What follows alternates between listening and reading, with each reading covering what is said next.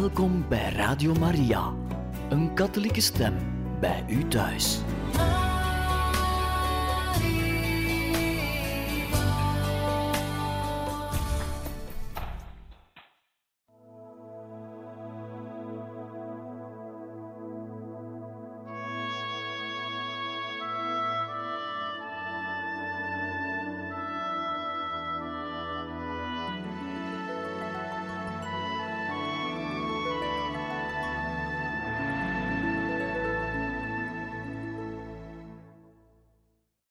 Beste luisteraars van Radio Maria, in dit programma lezen wij verder uit het boek Don Bosco van Teresio Bosco en we zijn gekomen bij hoofdstuk 26, Don Bosco, de politiek en de sociale kwestie, bij het onderwerp een eenvoudige, doeltreffende methode.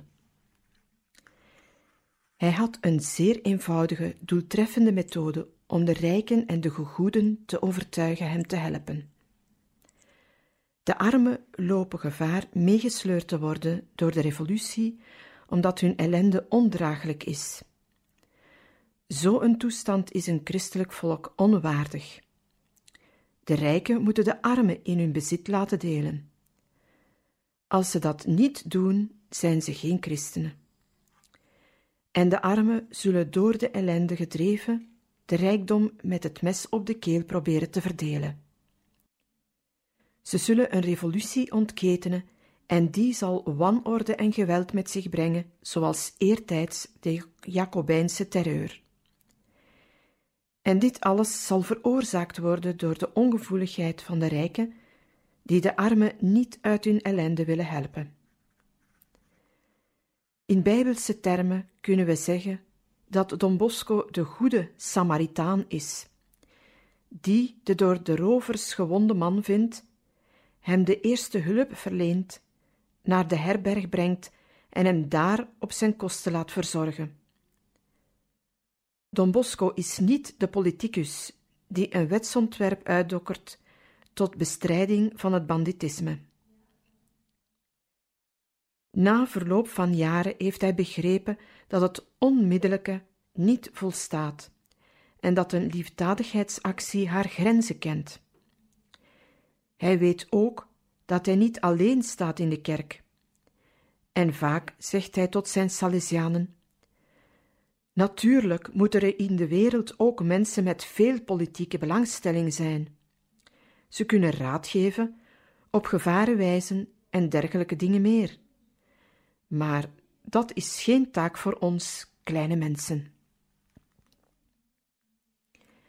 In de kerk is er geen gebrek aan personen die deze netelige en gevaarlijke kwesties op een voortreffelijke wijze weten aan te pakken.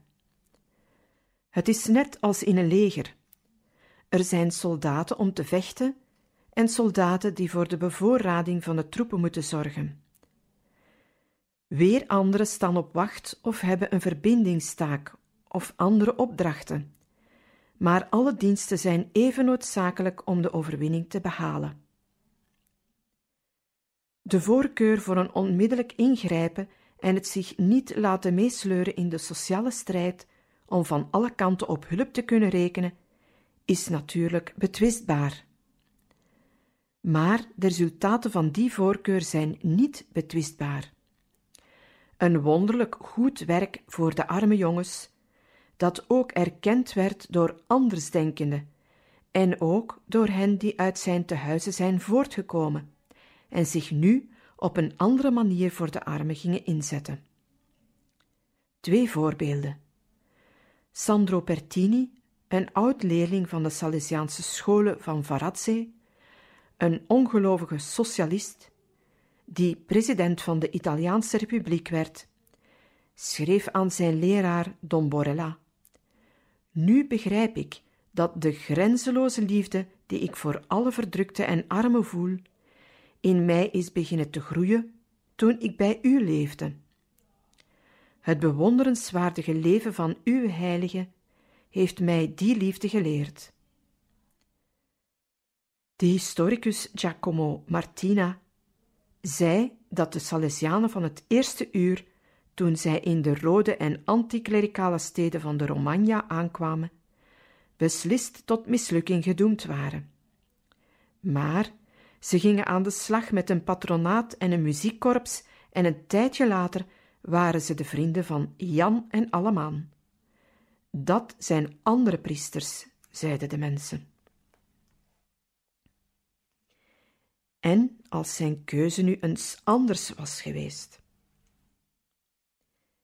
Eén ding is duidelijk: als Don Bosco zich in de sociale strijd had geworpen, zou hij weinig scholen en werkhuizen geopend hebben. En dan zou zijn keuze nu nog veel meer betwistbaar zijn geweest. Hij zei het zelf op 24 juni 1883. Wat was er voor om in de politiek te gaan? Wat hadden wij met al onze krachten kunnen bereiken? Niets anders dan het ons misschien onmogelijk maken nieuwe werken van liefdadigheid te beginnen. Alles bijeengenomen kunnen we zeggen dat Don Bosco, althans theoretisch, voor het volgende dilemma stond. Ofwel strijden tegen de gevolgen van de sociale onrechtvaardigheden en de arme jongens helpen met de hulp van iedereen om scholen en werkplaatsen voor hen te stichten. Ofwel strijden tegen de oorzaak van de sociale onrechtvaardigheden. Dus ze op allerlei manieren publiekelijk aan de kaak stellen. Verenigingen voor jonge arbeiders oprichten. Elke samenwerking en hulp weigeren van personen die bij een politiek en economisch uitbuitingssysteem betrokken waren maar met het duidelijk vooruitzicht dat alle hulpbronnen zouden opdrogen en de arme jongens aan hun lot zouden worden overgelaten. In het eerste geval redde hij de jongens uit onmiddellijke gevaren, maar liep het risico door het systeem misbruikt te worden. Dit wil zeggen, gehoorzame en gewillige arbeiders te kweken waarmee de machthebbers geen last zouden krijgen. In het tweede geval werkte hij aan een verandering van het systeem, maar liep hij het risico aan de onmiddellijke en dwingende noden van de armen niet tegemoet te kunnen komen. Het was een zeer moeilijke keuze, niet slechts voor Don Bosco, maar voor meer mensen in de kerk van zijn dagen. Wat ze ook kozen, het was onmogelijk alles te doen wat eigenlijk gedaan moest worden. Onder de aandrang van het ogenblik sloeg Don Bosco de eerste weg in. Toen hij er de beperktheid van inzag, voelde hij zich veilig in het geheel van de kerk. Laten wij aan anderen meer dan wij beslagen religieuze orde politieke stellingname en politieke actie overlaten. Laten wij rechtstreeks naar de armen gaan. Tot besluit kunnen wij zeggen dat er in de kerk veel aan eenlingen geschonken begaafdheden tot heil van de gemeenschap bestaan, en dat Don Bosco de gave bezat van het onmiddellijke, dringende ingrijpen ten behoeve van de arme jongens.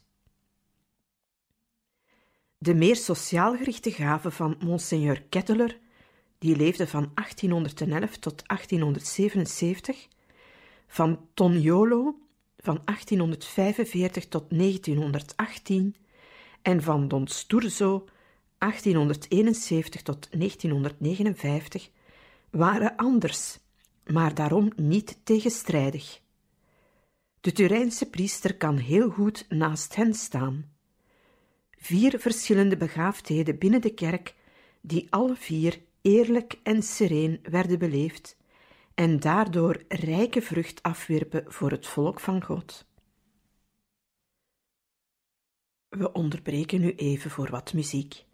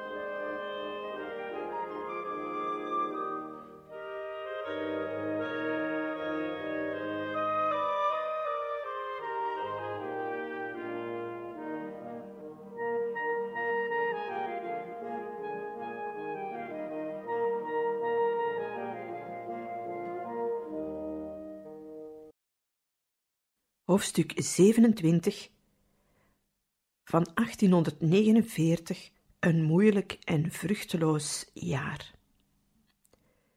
Het jaar 1849 was moeilijk en vruchteloos, schrijft Don Bosco, hoewel het veel moeite en grote offers heeft gekost.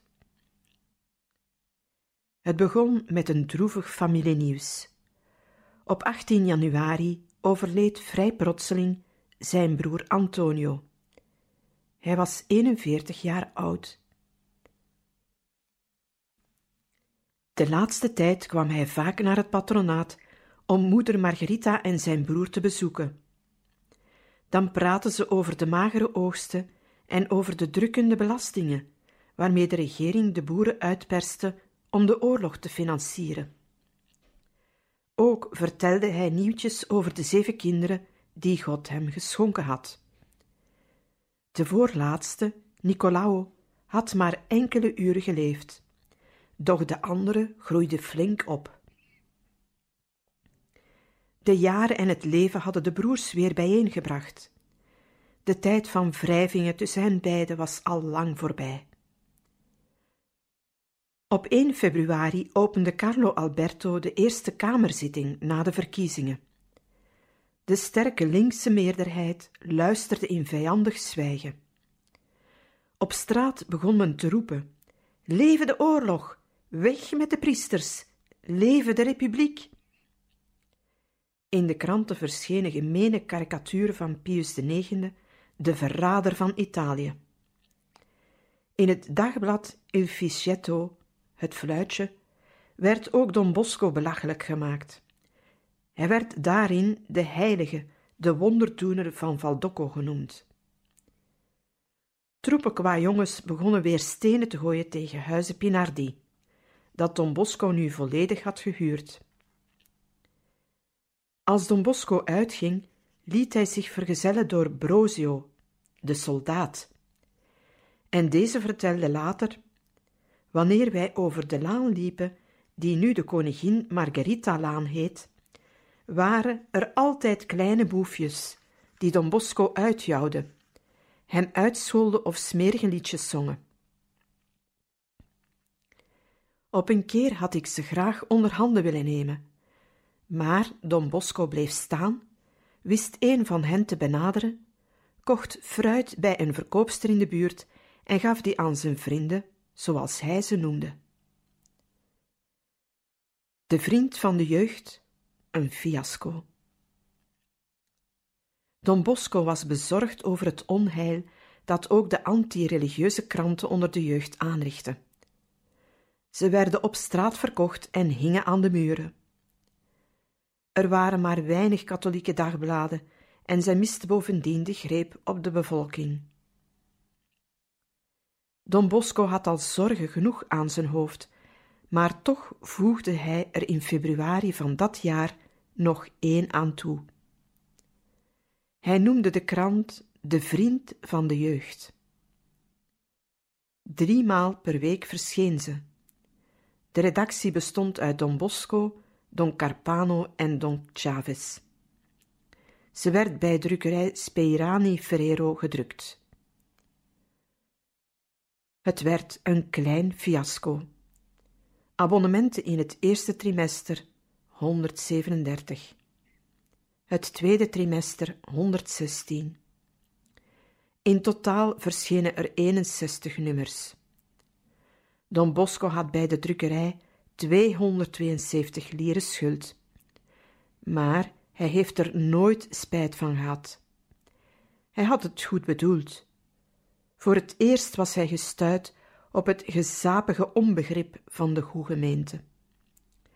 De katholieke pers sleepte die in Italië al meer dan honderd jaar als een zwaar last achter zich aan.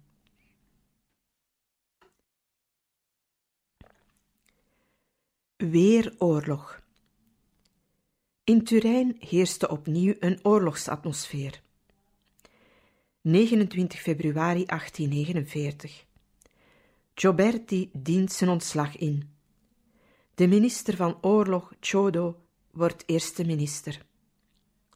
De democratische linkerzijde die het heft in handen heeft, stuurt aan op een nieuwe oorlog. Op 2 maart stuurt de Kamer een verzoekschrift aan de koning. De volksvertegenwoordiging geeft u de raad tot actie over te gaan en de oorlog te verklaren. Wij vertrouwen op uw leger. 12 maart. De wapenstilstand wordt opgezegd. Na acht dagen breekt de oorlog uit. 75.000 man trekken naar de grens. De koning gaat naar Alessandria. Maar de soldaten zijn deze keer niet enthousiast. Het regiment Savoie weigert op te rukken. Er zijn deserteurs. Enkele worden gefusilleerd. In Lombardije lanceert Radetzky onder zijn soldaten de nieuwe leuze op naar Turijn. 23 maart.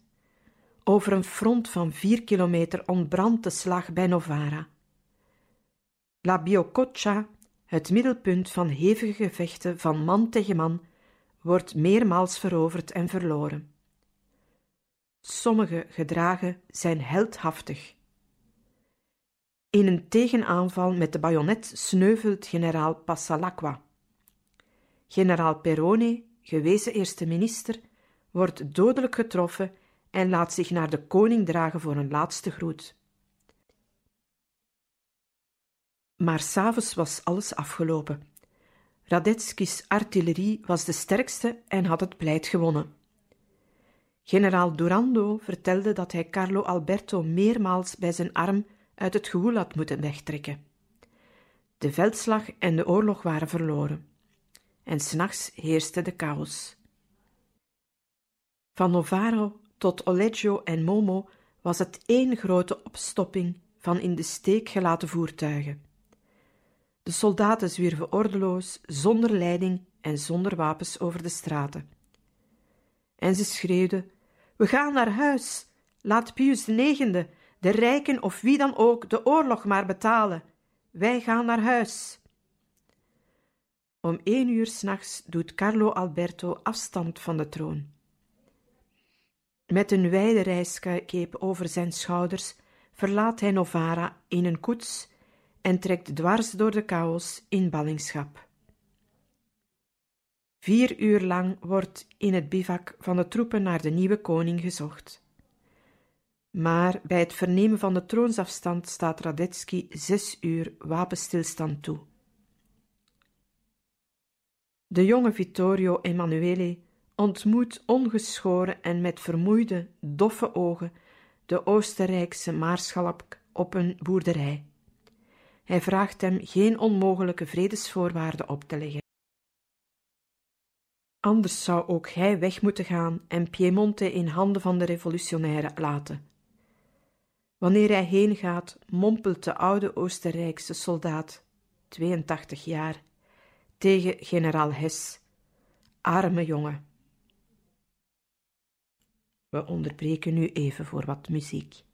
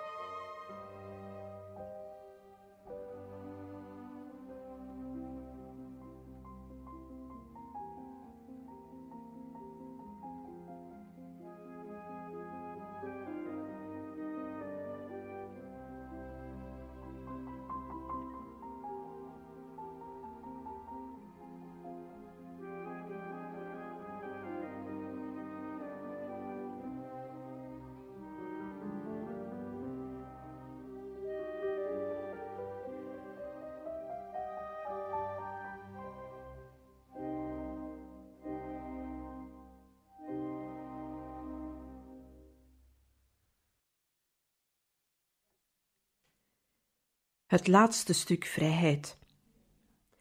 Maar op dit moment is het land er het allerbelabberst aan toe. In Turijn is de toestand gespannen. Wanneer bekend wordt dat de Oostenrijkers 200 miljoen oorlogsschade eisen en Alessandria willen bezetten, komt de democratische linkerzijde in actie. Er wordt openlijk over een republiek gesproken. Men wil oorlog tot het uiterste. Genua komt in opstand.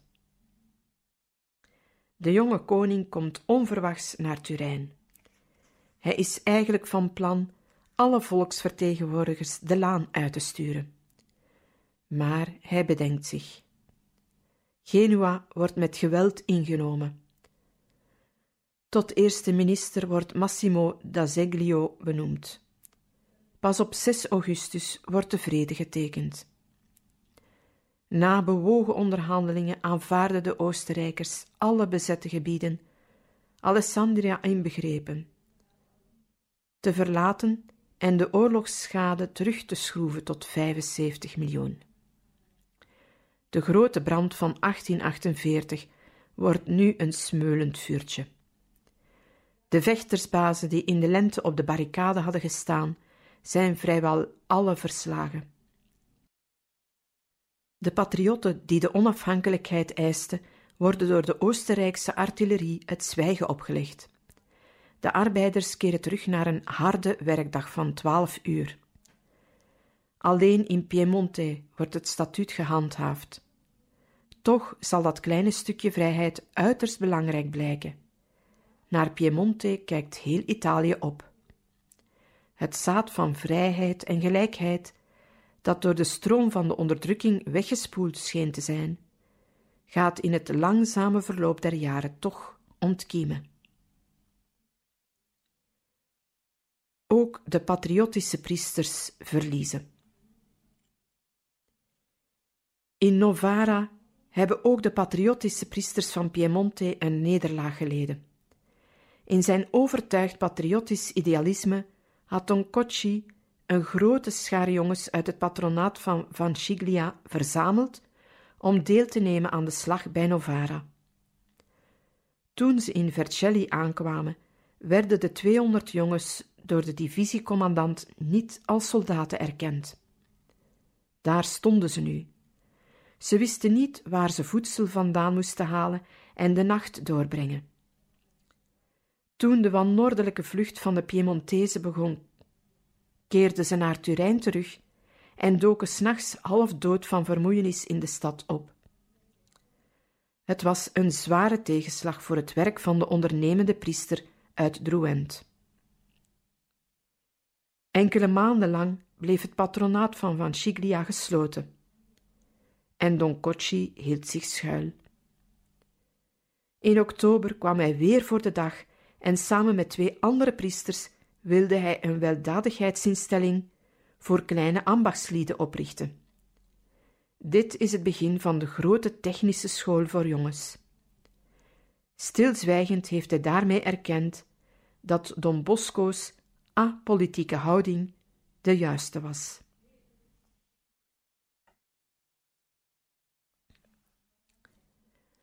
Drieëndertig lieren voor de paus. Tienduizenden vluchtelingen kwamen in die maanden de bevolking van Turijn vergroten. Het leven was zwaar. De huurprijzen lagen zeer hoog en de lonen erg laag. Een socialistische Franse vluchteling, Coeur de Roy, sprak over de grote ellende in de volkswijken. Een gezonde industrie ontbrak. De geldcirculatie werd door zware belastingen afgeroomd. Arbeidskrachten waren er in overvloed. Ook al werden er steeds meer nieuwe huizen gebouwd, die al verhuurd waren voordat ze waren voltooid. Intussen blijft Pius IX balling in Gaeta. Marquis Gustavo Cavour en kanunik Valinotti zamelen in Turijn gelden in voor de paus, de Sint-Pieterspenning. Ook de jongens van het patronaat doen eraan mee. Ze leggen al hun centjes bij elkaar en bereiken de som van 33 lieren. Deze som wordt met een brief vol heilwensen aan de paus overhandigd. Op 2 mei ontvangt Don Bosco een schrijven van de pauselijke nuntius. De heilige vader was zeer ontroerd over die liefdevolle gift van de arme ambachtsleerlingen en over de woorden van verknochtheid waarmee ze vergezeld ging. Daarom vraag ik u hun mee te delen dat hij hun voor deze gift zeer dankbaar is, te meer omdat hij door de armen geschonken werd. De paus stuurde een pakje met 720 rozenkransen, dat echter pas op 21 april 1850 in Turijn aankwam. Twee kleine harten voor verkregen gunst. 24 juni, feest van de heilige Johannes de Doper en naamdag van Don Bosco. Ondanks de moeilijke tijden besluiten Carlo Gastini en Felice Reviglio Don Bosco een geschenk aan te bieden. Sinds maanden zijn ze het er heimelijk over eens. Ze hebben het uit hun mond gespaard en kleine fooien angstvallig bewaard. Maar wat te kopen als ze die hoge prijzen in de etalages zien? Uiteindelijk nemen ze een beslissing. Twee kleine zilveren harten, zoals de mensen die kopen om ze aan de Madonna te geven voor verkregen gunst. Een vreemde, maar vindingrijke en erg ontroerende keuze. Op de vooravond van het feest, wanneer de anderen al slapen, kloppen ze op Don Bosco's deur en bieden hem hun geschenk aan, terwijl ze blozen tot achter hun oren. Sanderendaags wist iedereen van het geschenk, en zo schrijft Don Lemoine, niet zonder enige jaloezie. We onderbreken nu even voor wat muziek.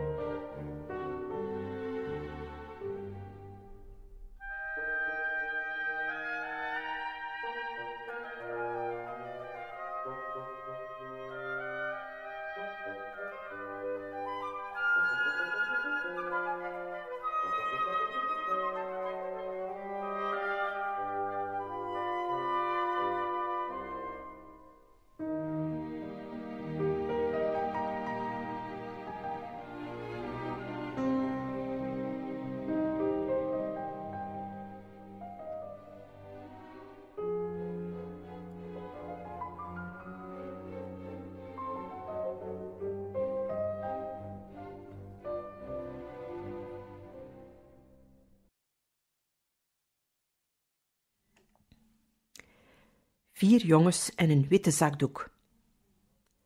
Gastini en Reviglio zijn twee jongens die door Don Bosco in het oog worden gehouden. Samen met elf anderen zijn ze in 1848 op retraite geweest. Dit jaar doen ze dat weer, nu samen met 69 makkers in twee groepen. Het is een stokpaardje van Don Bosco enkele van de jongens te volgen, gaten te slaan en uit te kiezen wanneer er hoop bestaat dat ze priester zouden willen worden. Op het einde van de retrette roept hij Giuseppe Buzetti, Giacomo Bellia, Carlo Gastini en Felice Reviglio bij zich. En hij zegt hun: Ik heb er een paar nodig die mij een handje komen helpen in het patronaat. Wat vinden jullie daarvan? Hoe een handje helpen? Eerst en vooral door weer te gaan studeren. Een spoedcursus. Ook met Latijn. En later, als God het wil, kunnen jullie dan priester worden. De vier kijken elkaar aan. En ze doen het. Don Bosco stelt maar één voorwaarde. Hij haalt een witte zakdoek tevoorschijn en verfrommelt die tussen zijn handen. Ik vraag jullie in mijn handen te zijn zoals deze zakdoek, gehoorzaam in alles. Van de vier heeft alleen Bellia de lagere school doorlopen. In augustus vertrouwt Don Bosco hen toe aan Don Chavez om in Italiaans bij te schaven. In september neemt hij ze mee naar Becchi als gasten van Giuseppe, en daar begint hij met de lessen in het Latijn. In oktober zijn ze weer terug in Turijn, op tijd om deel te nemen aan de grandioze begrafenis, waaraan de hele stad deelneemt ter ere van Carlo Alberto na zijn overlijden in Oporto.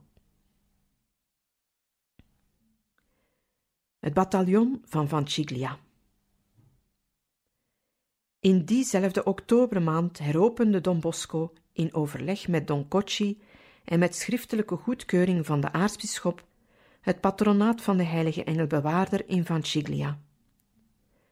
Twee loodsen, twee kamers en één als kapel ingerichte zaal werden gehuurd voor 900 lire per jaar. Don Carpano neemt de leiding op zich en hij laat het Sint Aloysius patronaat aan Don Ponto over. In de Borgo van Ciglia gaan de wilde vechtpartijen met de bende voort. Don Bosco stuurt Don Carpano hulp in de persoon van de soldaat Brosio, die net als vroeger een vechtgroep, een bataljon opricht, bestemd om te spelen, maar zo nodig ook om er in alle ernst op los te slaan. Op een dag, zo vertelt Brosio, doken er een veertigtal met stenen, stokken en messen uitgeruste belhamels op om het patronaat binnen te dringen. De directeur kreeg het zo benauwd dat hij trilde als een espenblad. Toen ik in de gaten kreeg dat het menes was en dat zij handtastelijk gingen worden, sloot ik de poort, verzamelde de grootste onder de jongens en deelde de houten geweren uit. Ik deelde de jongens in groepen in met de opdracht, als de anderen ten aanval overgingen, op een teken van mij allemaal tegelijk een tegenaanval uit te voeren en er ongenadig op los te slaan. De kleinste, die aan het huilen gingen, stopte ik in de kapel. Toen betrok ik de wacht bij de poort, die de aanvallers met hevige stoten trachtte in te beuken. Maar intussen was iemand de bereden politie gaan waarschuwen en die kwam er met getrokken sabels aan. Dit keer liep alles goed af. Op 18 november kwam Don Giacomelli bij Don Bosco inwonen. Hij was met hem in Ceri op het seminarie geweest. Twee jaar lang bleef hij in Valdocco. Met diens hulp en die van de priesterstudent Asciano Savio kon Don Bosco het aantal kostgangers opvoeren tot dertig. Dat werden er 36 in 1852, 76 in 1853, 115 in 1854. In 1860 waren het er 470 en in 1861 600. Het grootste aantal was 800. Het leven van die jongens bleef altijd armoedig. Swinters vernikkelde je in de kerk en elders van de kou, behalve in de keuken of in een kamer waar een houtkachel brandde. Een matras met wol of paardenhaar was een luxe. Het merendeel sliep op een stroozak of een zak met gedroogde blaren. Het beetje geld van de gemeenschap vertrouwde Don Bosco toe aan Giuseppe Buzetti, die in 1849 zeventien jaar werd en zelf verbaasd stond over zoveel vertrouwen.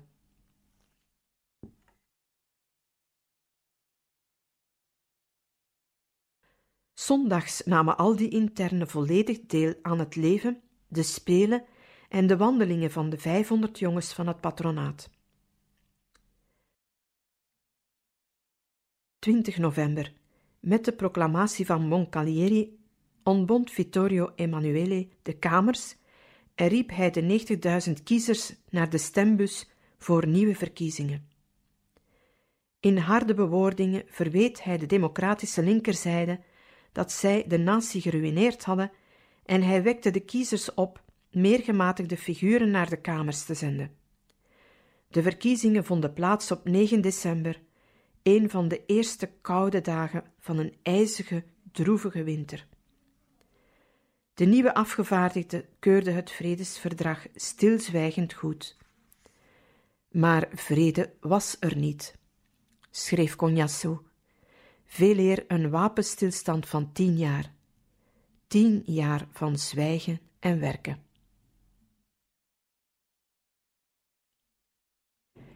Vier stuivers polenta. Terwijl de mensen binnen de muren van de stad Turijn honger leden, zo luidt de geschiedschrijving, vermeldt de geschiedenis van Don Bosco enkele geheimzinnige gebeurtenissen die voorvielen in de laatste dagen van 1849. We zouden ze met enige overdrijving kleine wonderen kunnen noemen, die Don Bosco voor de armen doet. De eerste vertelt de soldaat, Giuseppe Brosio, in een brief aan Don Bonetti. Toen ik op een keer in de kamer van Don Bosco was, kwam er een man een aalmoes vragen. Hij deed het verhaal van zijn vijf kinderen die de hele dag geen eten hadden gekregen. Don Bosco greep in zijn zakken. Hij vond maar vier stuivers en gaf hem die met zijn zegen. Toen we weer met z'n tweeën waren, zei Don Bosco mij: Het spijt me dat ik die man niet meer geld heb kunnen geven. Als ik honderd lieren had gehad, zou hij ze ook gekregen hebben. Ik zei hem: Maar hoe weet u nu of hij de waarheid sprak? Hij kan wel een oplichter zijn. Nee, het is een eerlijke en rechtschapen man. Meer nog, hij is ijverig en erg aan zijn gezin gehecht. Hoe weet u dat? Toen pakte Don Bosco mij bij de hand, keek recht in mijn ogen en zei zachtjes: Ik heb het in zijn hart gelezen. Zo, maar dan ziet u ook mijn zonde. Inderdaad, ik ruik de zonde, zei hij lachend en ik moet bekennen dat hij echt in mijn hart las. Als ik iets in de biechtstoel vergat, wreef hij het mij onder de neus, precies zoals het was. En ik woonde op een kilometer afstand van hem. Op een keer had ik een werk van barmhartigheid gedaan, wat voor mij een groot offer was en dat niemand wist. Ik ging naar het patronaat en nauwelijks had Tom Boske mij opgemerkt, of hij nam mij bij de hand en zei: wat heb je toch iets moois gedaan voor het paradijs? Wat heb ik dan gedaan? vroeg ik hem. En hij vertelde mij precies alles wat ik gedaan had. Een tijdje later ontmoette ik in Turijn de man aan wie Don Bosco de vier stuivers gegeven had. Hij herkende me, hield me staande en vertelde mij dat hij met die stuivers polenta was gaan kopen en dat hij en zijn hele gezin er hun buikje rond van hadden gegeten. En hij zei mij: In ons gezin noemen wij hem de priester van het polenta-mirakel. Want van vier stuivers polenta-meel, dus onvoldoende voor twee personen, hebben we met z'n zevenen gegeten. We beëindigen hier deze lezing uit het boek Don Bosco en gaan volgende keer verder met het hoofdstuk 27, 1849, een moeilijk en vruchteloos jaar, bij het onderwerp Ik riep hem bij zijn naam Carlo. Dank u voor het luisteren.